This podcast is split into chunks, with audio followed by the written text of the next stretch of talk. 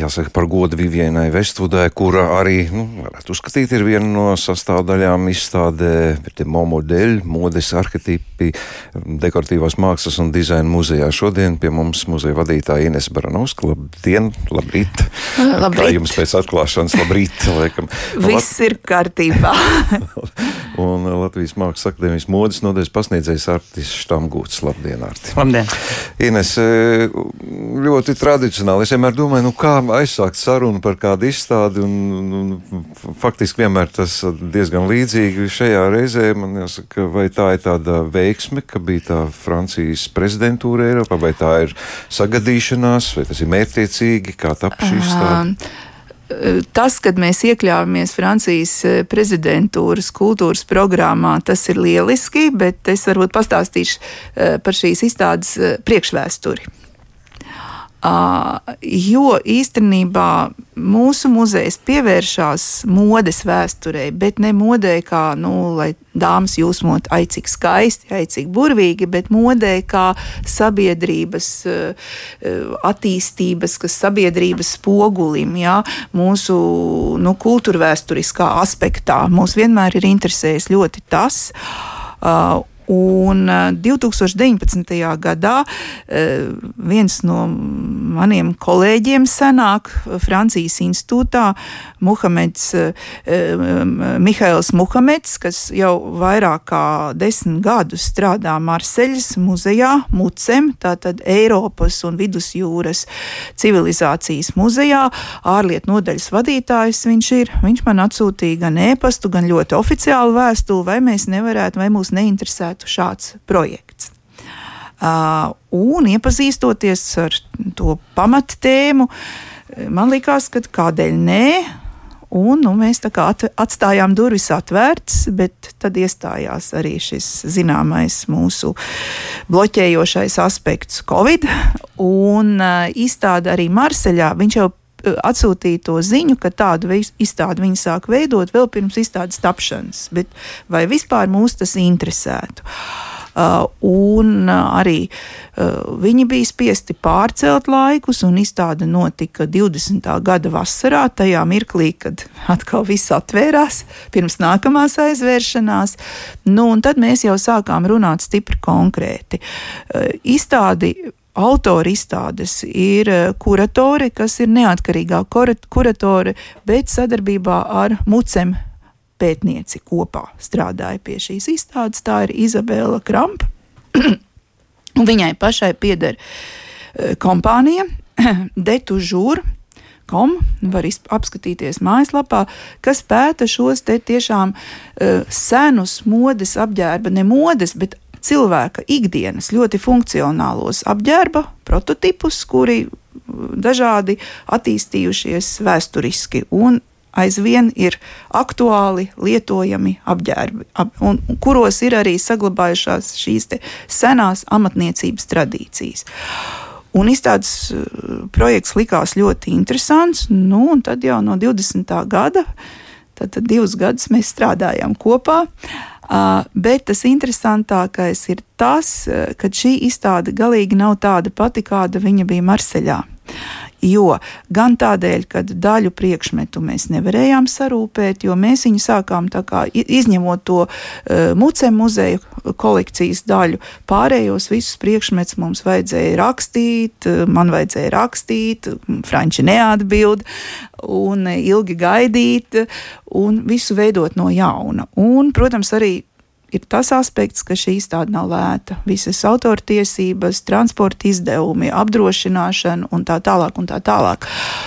Un veiksmīgi eh, mums izdevās iekļauties šajā 22. gada pavasarī, kad Francija ir prezidējošā valsts Eiropas Savienībā. Jā, tātad tas, un, protams, man liels paldies jāsaka valsts kultūra kapitāla fonda atbalstam, jo izstāde citādāk nebūtu iespējama.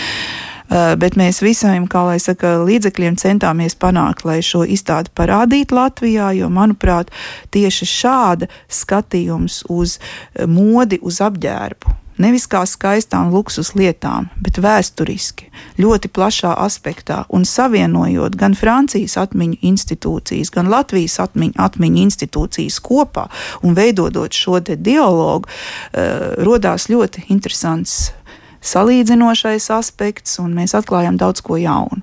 Jo šajā izstādē šobrīd, kas ir skatāms, ir, protams, izcili tādas virsotnes, kā Ivsena Lorāna tērpi no Ivsena Lorāna muzeja Parīzē eh, un eh, Vivienas Westwoods Limited Jā, jo tiešām varam lepni pateikt, ka Marseļā bija tikai viens Vivienas Vestvudas tērps, pie mums ir divi apģērbi, jā, un nu, ļoti daudz visādas interesantas lietas, bet pamats ideja ir nemainīga. Tā ir Izabelas Krampas ideja, kad ir šie pieci arhetipi, ļoti vienkārši, no kuriem nevar atkāpties, un mēs meklējam vēsturiskās šī zilā strādnieka uzsvārča attīstību un metamorfozes, jā, apakškrekliņa, ko sauc Amerikā un arī Francijā, tanktop.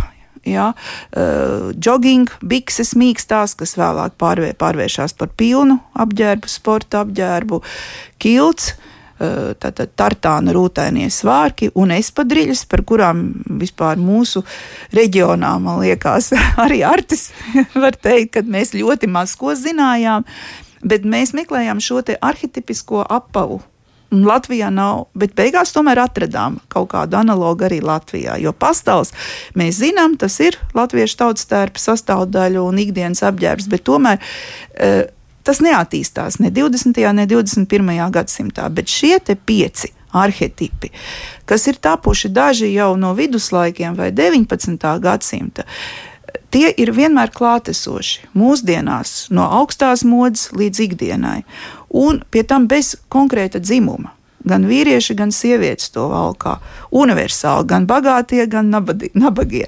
Tā kā šīs te, tās apģērba uh, nu, tā prototypa, jeb arhetipa, tā unikālā mūžība un universāli. Ja? Tātad no senākiem laikiem līdz nākotnē.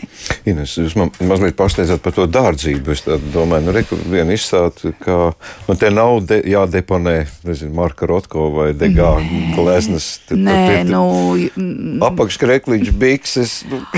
Jā, bet tā ir vēsture. Jūs saprotiet, ka tas ir civilizācijas vēstures muzejs mucem. Un jā, e, Franču Vīndara apakškrekls no 1960. gada eh, apdrošināšanas vērtība viņam ir eh, vairāki tūkstoši, un ar viņu tikpat un, un strādnieka eh, tā zilā žakete un kombinzons no 39. 60. gada.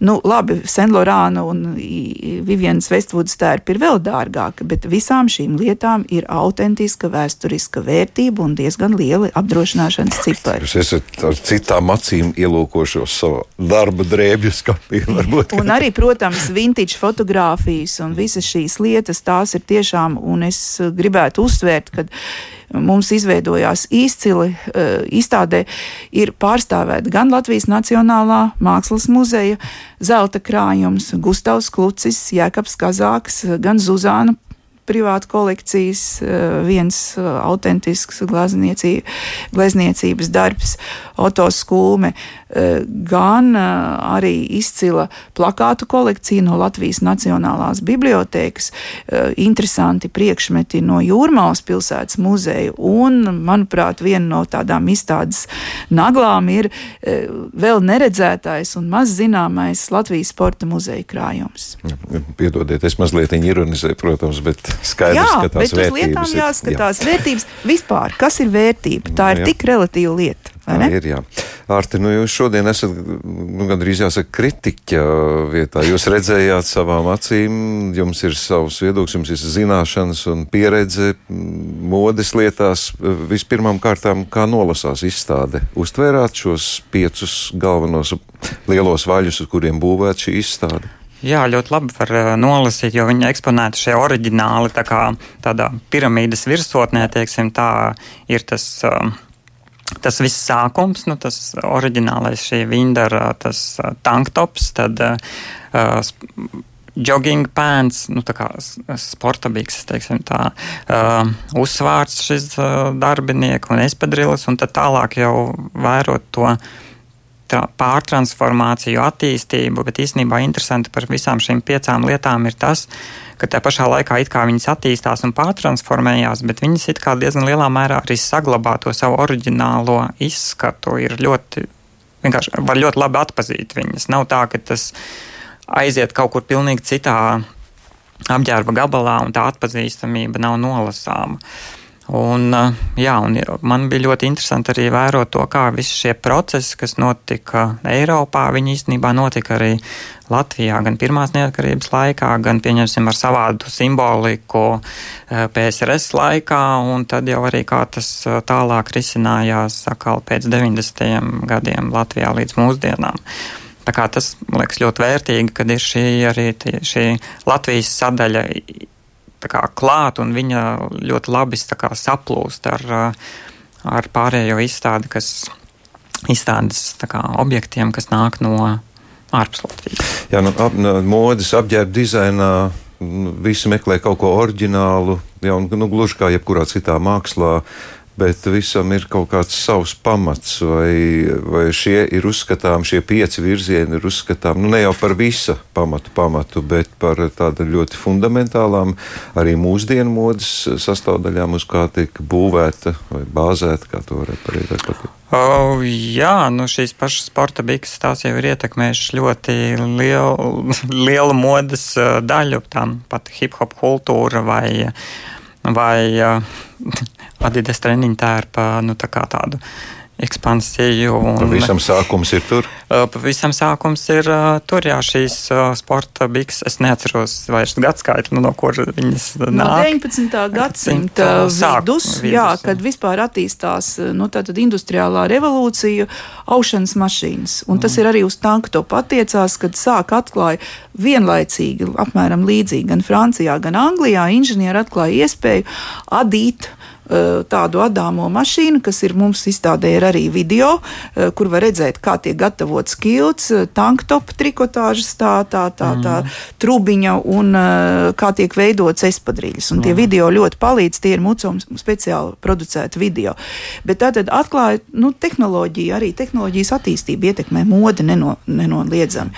Un tieši tad atklājās šis mīkstais, ērtais apģērbs, ko sāk izmantot augstākās klases pārstāvu aristokrāti demokrātija, Jēlas un, un nu, ne tikai Jēlas, bet vispār Britu, Amerikas tās eh, prestižās augstskolas, kurās bija ļoti svarīgi, ka gan vesels sportiskais gars, vesela miesa palīdz prātam, ja, nu, tad, tad sports un, un intelekts un gal galā strādnieku šķirai nebija laika ar sportu nodarboties. Tas bija luksus. Un tad parādījās uh, šī, šis ērtais apģērba gabals, uh, sporta bikses, mīkstās, vēlāk arī trikotāžas jakas, nu, kuras soli pa solim iekaroja, kļuva modernas jau starpkaru periodā, arī kā tāds brīvā laika apģērbs un tālāk hip hop kultūra. Tas stāsts ir ļoti, ļoti, ļoti krāsains un krāšņs. Sev pēc pīstāts ar ārti gribēju parunāt Tad, nu, protams, ka Ines arī gribēja minēt pie pasaules nozīmīgākām augstskolām Latvijas Mākslas akadēmija,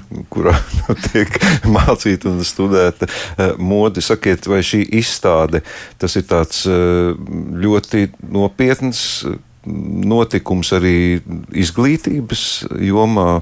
Es pieņemu, ka studējošai jaunatnē varētu būt ļoti aizrautīgi redzēt to, kāda ir bijusi tie vēsture, vai vispār bieži notiek šādas vēstures liecības. Um, jā, jo tā, tas ir labs veids, kā ieraudzīt, ka īstenībā varbūt šobrīd ļoti pašsaprotamas uh, lietas, īstenībā kā ir notikuši šī attīstība un uh, kā dažādos uh, periodos, dažādās desmitgadēs ir bijis tā kādu cilvēku piešķīruši kā, simbolisko nozīmi šiem apģērba gabaliem, kas tas, tas pats tanktops, viņš ir tik ļoti vienkāršs, bet viņam, kā jau Ines teica, tas ir, lai nodarbotos ar sportu, viņš ir ļoti praktisks, lai netraucētu to darīt. Tad kā viņš transformējās par, kad 20. gados izmantoja sievietes, lai pasvītrotu savu vienlīdzību ar, kā, ar vīriešiem.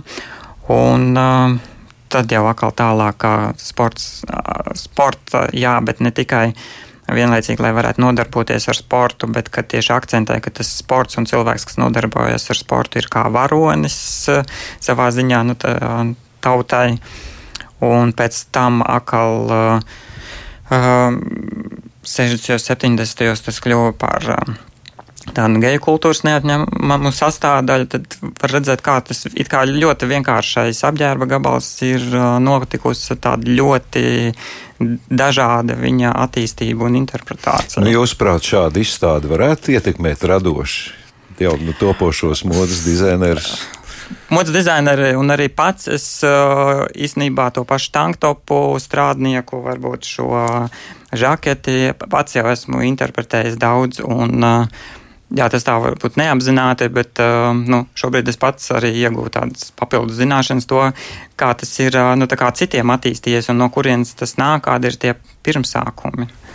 Tā, tā kā, kā iedvesmas avots ir noteikti un savā ziņā arī atklāsme ko mēs esam lietojuši, Jā, lai saprastu. Izstāde ir tāda ļoti izglītojoša, kas ir arī ļoti labi. Jā, tur ir moda, tur ir izglītojoša par cilvēka tā kā, tādu uzvedību un, jā, un arī Nu, jā, tā ir galvenā ideja. Tātad.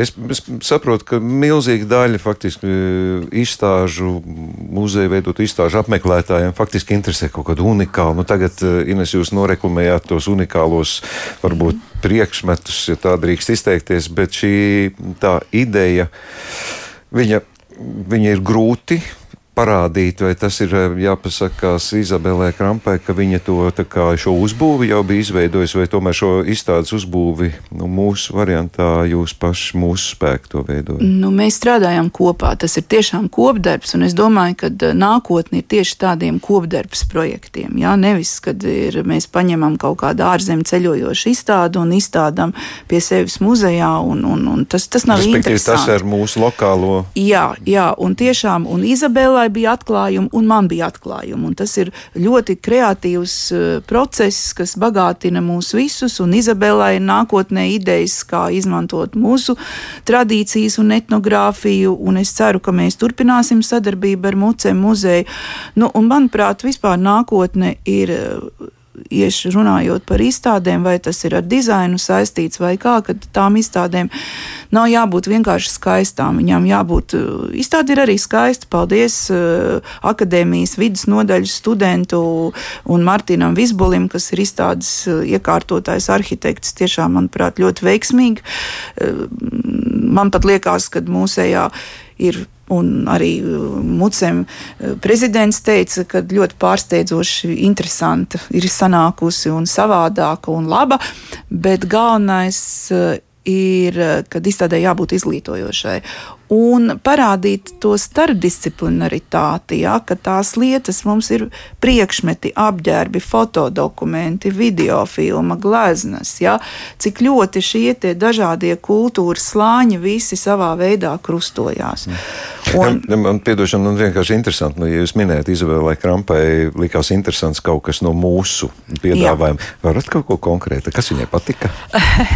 E, nu, vislielākā sajūsma bija Jēkab Kazāka gleznu, jo mm. tad, kad pirmo reizi viņi ieradās uz tādu darba tikšanos pagājušā gada rudenī, veiksmīgi sakrita, kad Rīgas uh, Nacionālā mākslas muzejā mīnus viens stāvā bija Dats Lambergs kūrētā Rīgas mākslinieku grupas izstāde.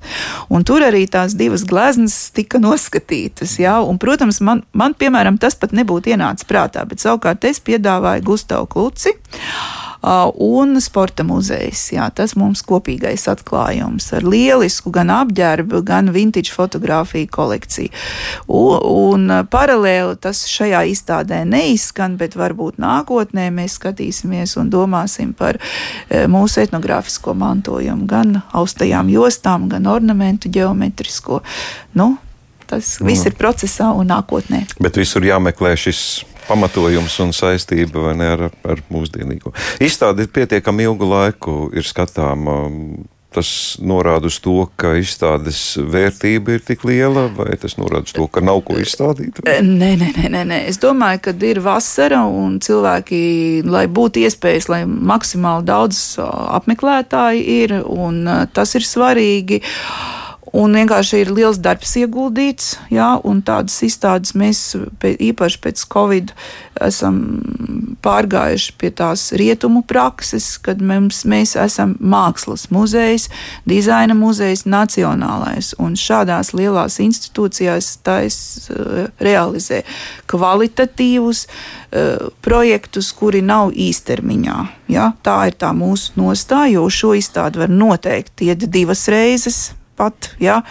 Muzeja, mūsu muzeja biļets ir tik demokrātisks un tik zems. Ja Marseļā muzeja biļete ir 11 eiro, mums ir zem 5 eiro. Jā. Par... Un kas vēl, ko es gribēju teikt, ka šai izstādē ir ļoti plaša un interesanta izglītības programma. Prasīt, jāseko mājaslapā.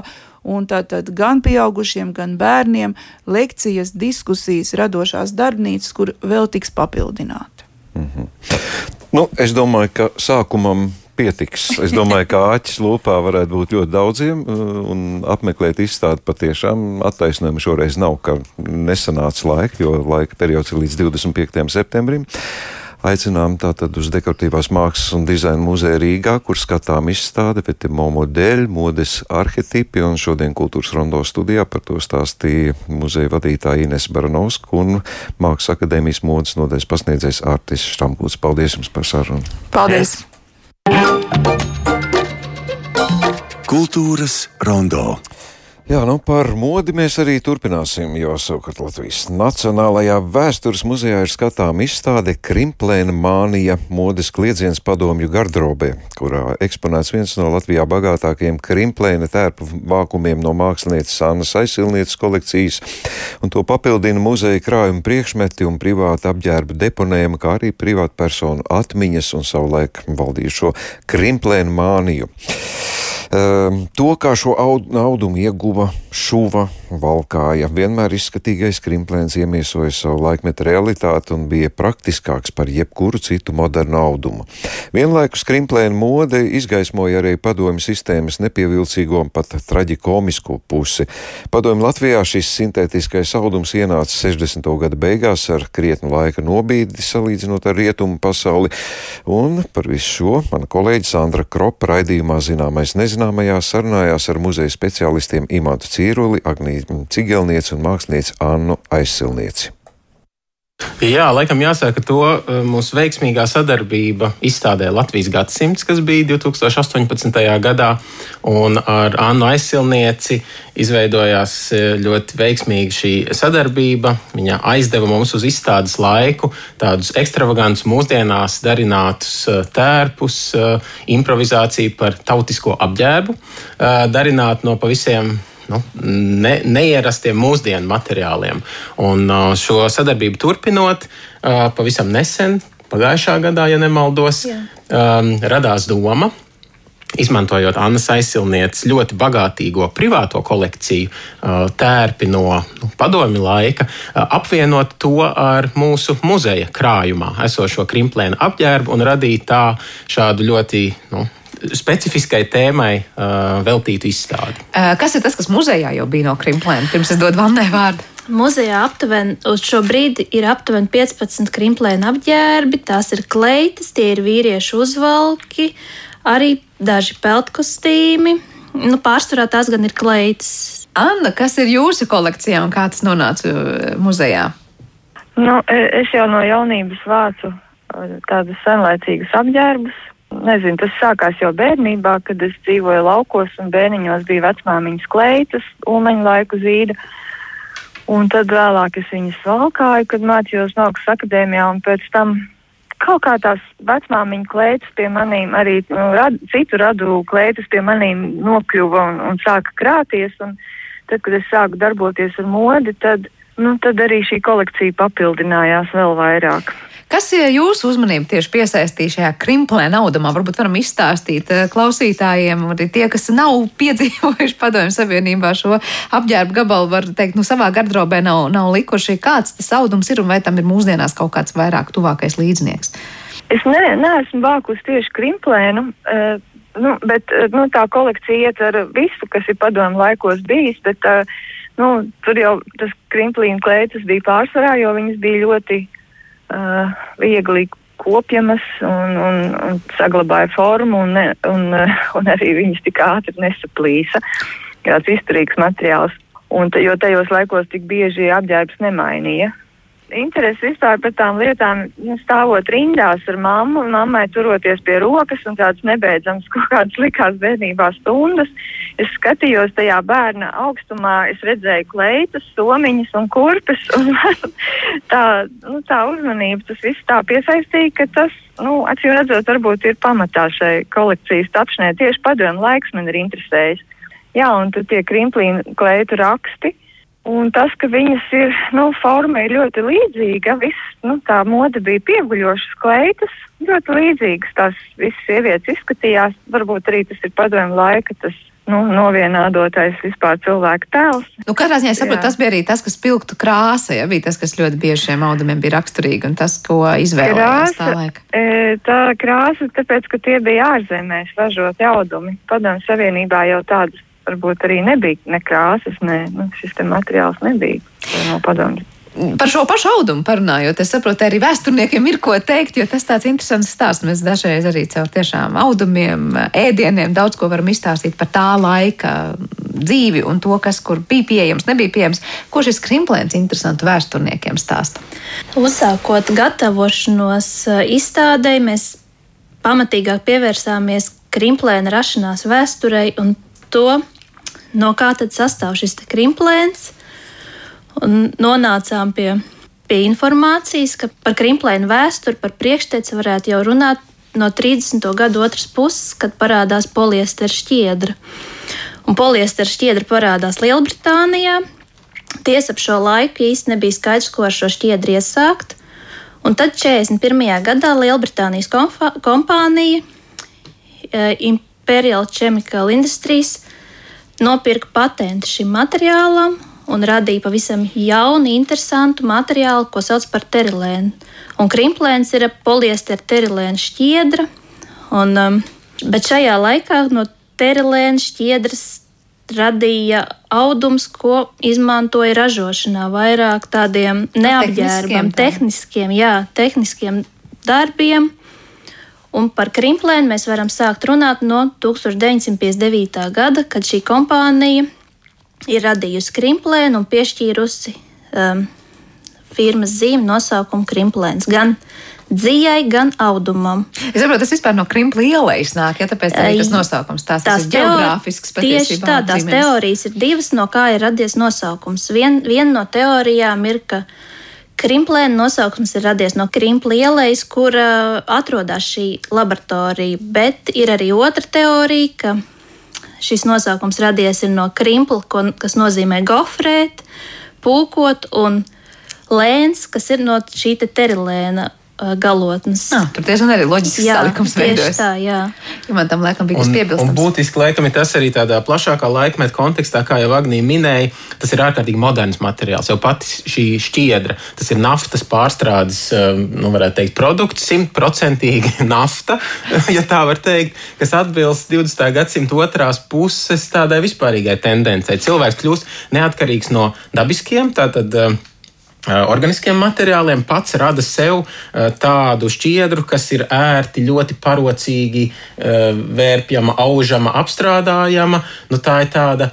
Um, nu, kā mēs iztēlojamies 60. gadu rietumos, ir sevišķi šo vieglumu sajūtu, uh, jaunas frizūras, jaunas modes, un, un, un arī jauna arhitektūra, jauns dizains. Un, uh, Krimplīna apģērbs ir kā, nu, kā varētu teikt, tāds simptomātisks parādība šādai vispārējai kustībai.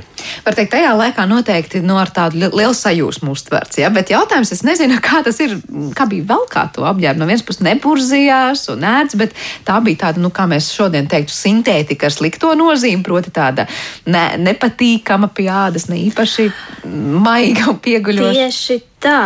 60. gados, kad, par, kad Krimplēna popularitāte rietumu pasaulē ir būtiski savā zenītā. Krimplēnam ir brīnišķīgas īpašības. Neburzās, nemaina formu, viegli mazgājams, nebalē, bet tai pašā laikā ļoti, ļoti slikti vada gaisu. Līdz ar to karstā laikā viņš tiešām sviedrē. Var teikt, tāda no sajūta, ka polislēna maisā ir iekāpusi Jā, cilvēki. Jā, bet kā saka, moda prasa upurus. jā šeit es tāpēc arī Annai gribu vaicāt par to, vai ir kādi interesanti stāsti, zinām, par tām, nu, nezinu, krimplēna valkāšanas, es nezinu, ikdienas ainiņām, vai to, cik ļoti cilvēki, kas izvēlējās šaudu un bija gatavi nest tādu upuri, vai tomēr, nu, tur bija stāsts ar to, ka nē, tas neburzās un, un nav jāgulda un viss ir skaisti un viss ir labi. Nezinu, pārsvarā sievietes, visas, kuras man stāsta, atcerās par šīm kleitām, tagad, nu, kuras man bija atdāvinājušas savas kleitas, viņas šīs kleitas ir valko, valkājušas ilgi. Piemēram, man vecmāmas māsa, tā viņai bija izējamā kleita, kura vienmēr bija izskatījās kā jauna un skaista, un viņa vilka viņu pilnīgi uz visām zaļumballēm, uz visiem pasākumiem. Tā es neatceros, ka kāds būtu tur sūdzējies, ka krimplīns ka tur karsti vai, nu, es nezinu, tas man visi slavēja šo materiālu, šīs kleitas, bet viņas uh, vienkārši iz, izgāja no modas, sākās 70. gadi ar citu stilu, uh, tur bija bītlenes un svārciņi un zemes toņi un, un brūns un rūtains un tur uzplecīši un kaut kādas militāras detaļiņas un izmainījās. Nu, nu, cilvēki sakoja modei un, un krimplīns vairs nebija modē. Var teikt, neatrada vietu tajā, ja, klāstā, kas bija 70. Jā, nu gados jāveido. Nu jā, nu bija jāsako modei, un tāpēc arī tas, tas, bet laukos, tāpēc arī man to, ka šo klētu ir tik daudz, ka laukos cilvēki viņas turpināja valkāt, ar viņām ravēja dārzus, rāka kartupeļus, tāpēc, ka tā kleita, nu, sievietes, un tur nemaz Nenovalkājami. biksēm, tā nedzīvo, tur ir pieņemts kleitā strādāt un, un, un iet uz kūti. Un tad tās krimplīna kleitas arī nu, tiek valkātas dienu dienā joprojām. Un es aizvien vēl zinu 80 gadīgas sievietes, kuras staigā šajās kleitās, ja vien viņas izmērs tādu, nu, der. Var teikt, audums ir nenovalkājams. Jā. Jā, ne, pilnīgi nenovalkājams. Un krāsa arī nav izbalējusi. Ir tāds, ir tāds praktisks viens uh, aspekts, kas veidojot šo izstādi, bija, nu, varētu teikt, amizants. Jo uh, šī bagātīgā Annas aizsilnieces kolekcija, tad mūsu muzeja krājums, un mēs uzrunājām vēl blakus tam sabiedrību, lai mums piedāvā savus tērpus, apjautājām arī savus kolēģus, lai dāvina vai aizdod uz izstādes laiku. Un tas, uh, tā atbilde, ko bieži dzirdējām, bija, jā, protams, bija mums, bija tāds kostīms, tāds kleita vai, vai, vai cits apģērba gabals un tad viņi pārstāja lietot. Un tad kaut kad 2000. gadu sākumā, vai 90. gados, vai varbūt pavisam nesen, um, šie apģērbi, vai, nu, teiksim, kā, kā daudzās mājās to sauc par lupatām, ja, kas ar dažādiem tīrīšanas drāniņām un šādām, šādām vajadzībām, tas ir izmests ārā kādā brīdī. Jo uh, audums nebija praktisks, uh, nu, piemēram, tīrīšanai. Viņš neuzsūc ūdeni, Viņ, ar viņu nevar labi, nu, nezinu, kaut vai notīrīt logu vai, vai kādu mēbeles vietu. Vai izliešu ūdeni savā, Jā, vai kaut ko citu. Un tas laikam ir tāds. Um, Um, nu, tā, tā, tā, tāds aspekts, kādēļ mēs esam ļoti uh, pateicīgi piemēram, nu, par šādu privātu kolekciju, kur ir saglabāts ļoti liels daudzums sistemātiski apģērbs un arī, protams, mūsu muzeja krājumā. Bet nu, tā ir tāda modes parādība, tas ir tā tāds meteors, kurš parādās pie debesīm, viņš kādu laiku tur spīd, mirgo un tad pazūd. Un it kā viņš ir tajā laikā tik daudz cilvēku prātus uh, paņēmis, un, un, un visi tāpēc nevelti mēs runājam par krimplēnu māniju. Tā ir tāda uh, nu, diezgan strauja aiz, aizraušanās, un tad tas pazūd. Un arī šī pati liecība pārsvarā nav saglabājusies. Bet vai jūs, prāt, to skaidrosiet ar to krimplēnu māniju, ka tāpēc cilvēki nu, parādījās, es nezinu, tehnoloģiskais brīnums vai kā to nosauc tam brīdim, audums, no kura tad visu pēc kārtas peltkustības, mēteļus, kleitas un uzvalkus šuva, vai tā bija tā brīža nepieciešamība un cilvēkam, kas nu bija, nu tad visam arī to vienu un to pašu audumu izmantoja? Kā jūs to skaidrojat? Padomju Savienībā, manuprāt, tā bija tāda modes lieta, bet tas bija arī tāpēc, ka šo audumu bija ļoti grūti iegūt. Audums tika ievests no ārzemēm, no riet, rietumu valstīm. Un interesanti ir tas, ka uh, Padomju Savienībā vislielākais šī auduma uzplūds ir 70. gadi. 60. gadu pašas beigas un 70. gadi. Rietumu pasaulē šajā laikā jau krimplēns būtībā Iziet no iziet modes, no jā. modes un no krimplēna. Liela reklāmas plakāti Ang Lielbritānijā, Francijā un citās rietumu valstīs vēsta, ka no krimplēna mm, būtu labi šūt mājas tekstilu. Tātad aizskarus, gultas pārklājus, pilvendrānas. Un, ja, ja ņem vērā, cik ā, aizkariem daudz audums vajadzīgs ir, cik metri tur nepieciešami, tad ā, šeit Padomju Savienībā būtībā katrs centimetrs krimplēna auduma ir zelta vērtē. būtībā krimplēns Padomju Savienībā viens metrs maksāja ap 30 rubļi. Tas ir ļoti, ļoti daudz, ņemot vērā, cik liela bija tā laika cilvēka alga. Mazliet vairāk kā 100 rubļi, 100 rubļi mēnesī aptuveni tā. Bet kurš varēja atļauties tad jautājumu šo krimplēnu? Tas bija tāds, nu, jau, jau luksus prece, var teikt. Vai tomēr no vienas puses saruna sākumā saklausīja, man likās, nu, te jau visiem un te jau visur bija šis audums. Lai cik tas būtu interesanti, tas um, tā auduma dārdzība neierobežoja cilvēku vēlmi tikt pie šī auduma. un um, audumu varēja iegūt kā ārzemju sūtījumu no, ārzem, no radiem ārzemēs, iegādāties arī no jūrniekiem, no tālbraucējiem, nu, un arī stāvēt rindās pie veikaliem. Tajā brīdī, kad bija pie, auduma pievedums. Tad 70. gada otrā pusē un 70. izskaņā, arī ko mēs eh, daudz cilvēku stāstījumā dzirdējām, uh, ka nu, tas bija jau pie, pieejams. Bija nopērkams eh, arī pat, nezinu, eh, kāzu uzvalki, kleitas. Eh, nu, tas ir laiks, kad jā. rietumos jau pateica, mums to vairs nevajag. Jā. Jau Tieši diezgan, tā, jā. diezgan sen jau laikam rietumos te bija pateicis, ka to nevajag. Un vēl šajā visā rietumu un austrumu bloka, tā teikt, salīdzinājumā viņpus un šai pus dzelzs priekškaram, cik, cik pieejams tas krimplēns ir un varbūt tāpēc arī ir tā mānija šeit tik izteikti, ka tas ir nu, tāds pa pusē aiz, nu, negluži aizliegtais auglis, bet tik ļoti normēts, tik ļoti dozēts, tik ļoti nepieejams. 70. gada pirmajā pusē.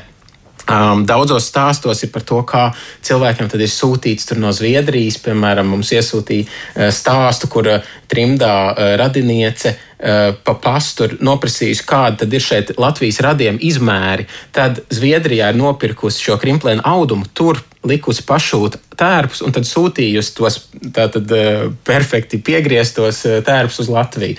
Vai arī, kur atsūtīts uh, apģērba gabals, bet tas izrādījās nedaudz pa knapu.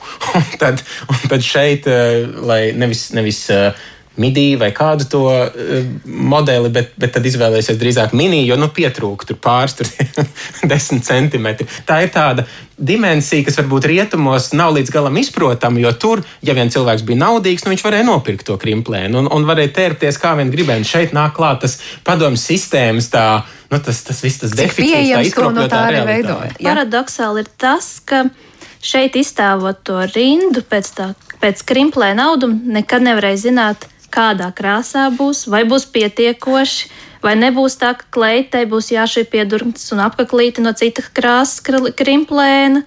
Kādā garumā būs šis tērps? To visu izskatu noteica pieejamība veikalā. Un, kā saka, cilvēks varēja stāvēt rindā, nezinot vispār, Pēc, Pēc kā? kā? Ļoti, ļoti interesanti šķiet, eh, nu, kā padomju savienība, mēs zinām, eh, plānveida ekonomika ārkārtīgi kūtri reaģēja uz pieprasījumu. Un, lai gan, protams, arī Padomju Savienībā, taču jūta, ka cilvēkiem ir šī interese. Tikai 70, Agnija, varbūt precīzāk, zinās, 72. 73. gadā, piemēram, Latvijā sāk šūt krimplēna mēteļus, man šķiet, tieši, vai ne? Tieši tā. Latvijā 73. un 74. gadā sāk šūt krimplēna mēteļus un šuj Atelie Baltijas modes, šuj vēl ražošanas apvienībā Latvija un 74. un 75. gads, manuprāt, bija, kad šuj Rīgas apģērbā sieviešu kleitas un sieviešu kostīmus. Tas ir tas, ko varēja uz vietas iegādāties, bet tas jau ir 70. gadi. Jā. Mm. Man Annai jautājums, nu, varbūt tiešām no tādas mākslinieciskas puses skatoties, kas interesants ir saskatāms tajos apģērbos, ko mēs tikko jau minējām, kad nu, šuva tā kā, nu, kā bija, un varbūt tieši tāpēc bija dažādas krāsas apaklītes vai piedurknes vai svārku vai kleitas garums un īsums savukārt mainījās. Nevis tāpēc, ka tā bija tāda radošā iecerka kādam, bet tāpēc, ka tas bija materiāla nu, pieejamības jautājums. Tad kleitām ir gan tādas, kas ir ļoti ideāli pašūtas, vai arī šūtas ārzemēs, gan, eh, gan arī tādas, kas ir mājās šūtas, kā nu māka ar neapstrādātām vīlēm, šķībām, kaut kādām formām, kaut kas tur iešūts, ieņemts. Nu, tāds ļoti nu, tāds smieklīgas kleitas arī ir. Tajos laikos cilvēki šuva mājās paši, ļoti daudz šuva. Ir, piemēram, man arī kleitiņas, kas ir nu, no krintlīna auduma uzšūta jau varbūt tuvu pie 80. gadiem kleita, kas jau izskatās pilnīgi citādāka. bet uh, audums ir tas pats. Bet nav tā, ka krimplīns izbeidzās. 80. gados arī bija šie sintētiskie materiāli, tikai viņi jau bija nedaudz plānāki, mīkstāki, bija uzlaboti. Vai mūsu tādam cilvēkam tas krimplēns šobrīd liktos vienkārši neiedomājams apģērbā, tas liktos, eh, nu, lai nu kam, bet apģērbam noteikti nē, vai gluži otrādi, es nezinu, mēs teiktu, jā, nenovalkājās un ilgi un, un labi. Un... Es domāju, ka šeit arī ir divē, divējādi viedokļi.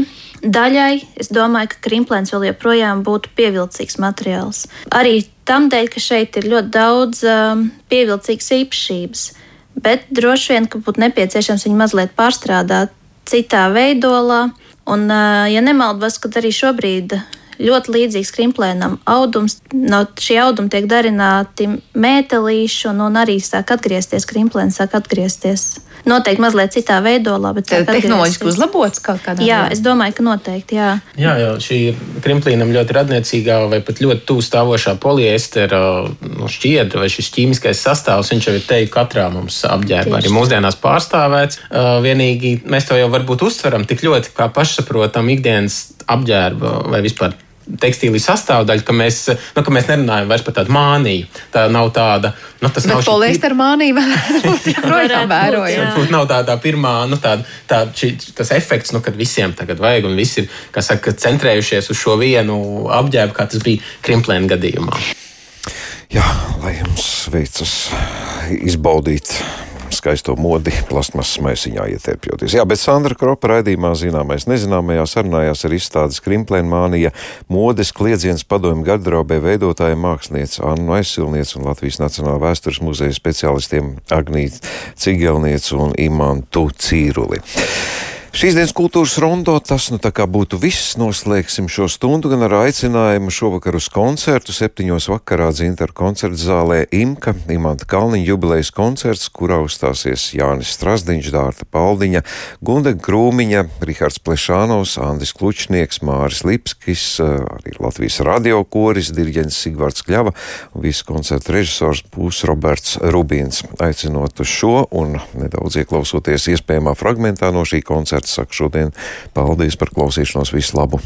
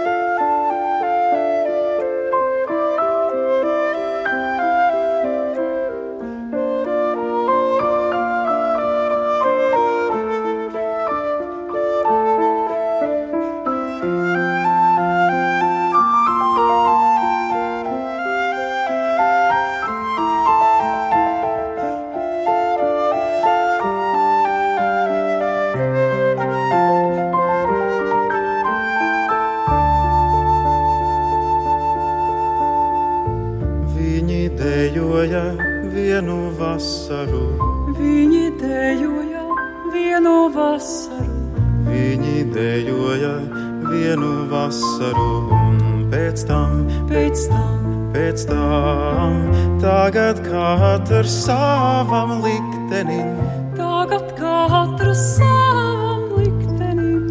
Tagad katrs savam liktenim prasa, kam tad bija jābūt pēc tam.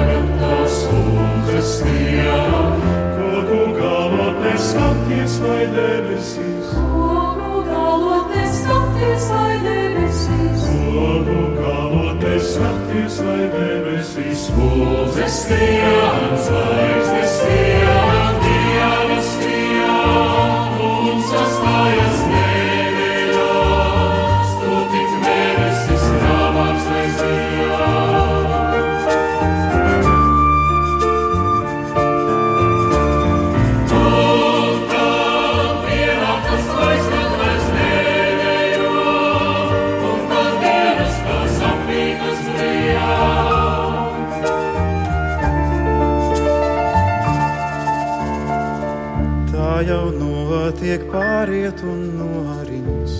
Tā jau notiek pāriet un norimst. Tā jau notiek pāriet un norimst, bet kad esi palicis viens, piever acis un atkal kā toreiz. Jāver acis un atkal kā jāver acis un atkal kā to arēs. Spūdzes skrien, zvaigznes skrien,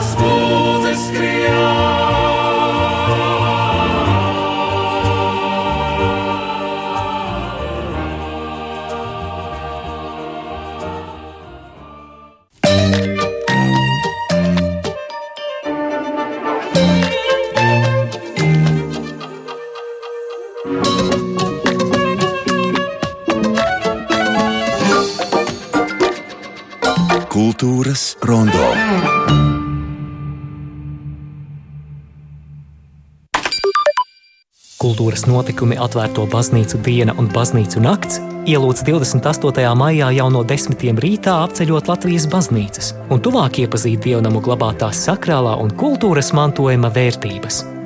No liepājas līdz pasienei, no rūjienas līdz subatei, ceļotājiem būs atvērtas vairāk nekā 170 baznīcas. Atvērto baznīcu karte un pasākumu programma, lai izplānotu maršrutu www.baznīcunakts.lv. Klāt mācību gada beigas, un mūs gaida diskusija, vai turpmāk saīsināt vasaras brīvlaiku, lai izlīdzinātu skolēnu slodzi.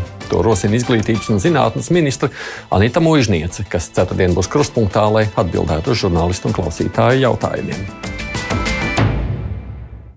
Raidījumā grāmatai pa pēdām Latviešu grāmatai 500 dosimies ceļojumā uz Viļņas Universitātes bibliotēku, kur iepazīsimies ar pirmo latviešu katoļu dziesmu grāmatu. Klausieties raidījumu 4. 15.35 LR1, kā arī jaunajā Latvijas radio lietotnē. Pupuķi ir viņa īpašie putni.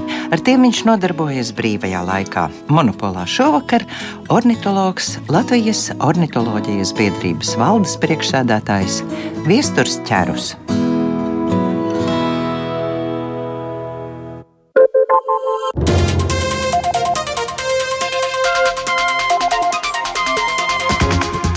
Pēc ziņām apskats pusdiena, bet raidījums atvērtie faili pētīs, kādos apstākļos Latvijā dzīvo bēgļi no Ukrainas un kā valsts par viņiem rūpējas.